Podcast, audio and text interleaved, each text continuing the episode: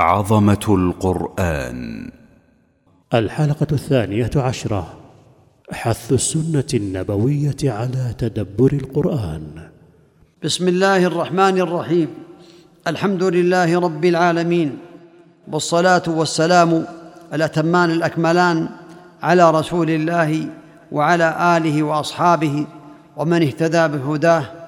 أما بعد فمما يدل على عظمة القرآن الكريم أن النبي صلى الله عليه وسلم حث على تدبره ومن ذلكم ما ثبت عن حذيفة رضي الله عنه قال صليت مع النبي صلى الله عليه وسلم ذات ليلة فافتتح البقرة فقلت يركع عند المئة أي عند المئة الآية ثم مضى يصلي فقلت يصلي بها في ركعة فمضى فقلت يركع بها ثم افتتح النساء. هكذا في الحديث فقرأها. ثم افتتح آل عمران فقرأها. يقرأ مترسلا إذا مر بآية تسبيح سبح وإذا مر بسؤال سأل وإذا مر بتعوذ تعوذ. وهذا يدل على تدبره عليه الصلاة والسلام وعلى حبه للقرآن وحبه لله تبارك وتعالى. وفي حديث عوف بن مالك قال قمت مع رسول الله صلى الله عليه وسلم ليلة فقرأ سورة البقرة. لا يمر بآية رحمة إلا وقف فسأل ولا يمر بآية عذاب إلا وقف وتعوذ. رواه أبو داود والنسائي وصححه الألباني رحمه الله. وفي حديث أبي جحيفه قال قالوا يا رسول الله نراك قد شبت. قال شيبتني هود وأخواتها. هذا يدل على تدبره عليه الصلاة والسلام للقران حتى شاب من تدبره صلوات الله وسلامه عليه.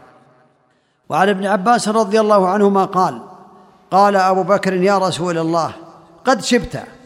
قال شيبتني هود والواقعة والمرسلات وعما يتساءلون وإذا الشمس كورت. رواه الترمذي في الشمائل وصححه الألباني رحمه الله تعالى. وهذا يدل على كمال تدبره عليه الصلاة والسلام وعلى كمال تفهمه لكتاب الله تعالى وهو رسول الله عليه الصلاة والسلام الذي أنزل الله تعالى عليه القرآن. قال أمير المؤمنين عثمان رضي الله عنه لو طهرت قلوبكم ما شبعتم من كلام ربكم. الله أكبر. لو طهرت قلوبكم ما شبعتم من كلام ربكم. رواه الإمام أحمد في الزهد. وقال عبد الله بن مسعود رضي الله عنه من أحب القرآن فهو يحب الله ورسوله. هذا يدل على أن من أحب القرآن وتلذذ بقراءة القرآن وعمل بالقرآن فإنه يحب الله تعالى ويحب الرسول عليه الصلاة والسلام. قال خباب بن الأرت تقرب إلى الله ما استطعت واعلم أنك لن تتقرب بشيء أحب إليه من كلامه. رواه الحاكم وصححه ووافقه الذهبي. هذا يدل على عظم الأمر وأن من تدبر القرآن حصل على الخير العظيم. وقال عبد الله بن مسعود من أراد العلم فليقرأ القرآن فإن فيه علم الأولين والآخرين.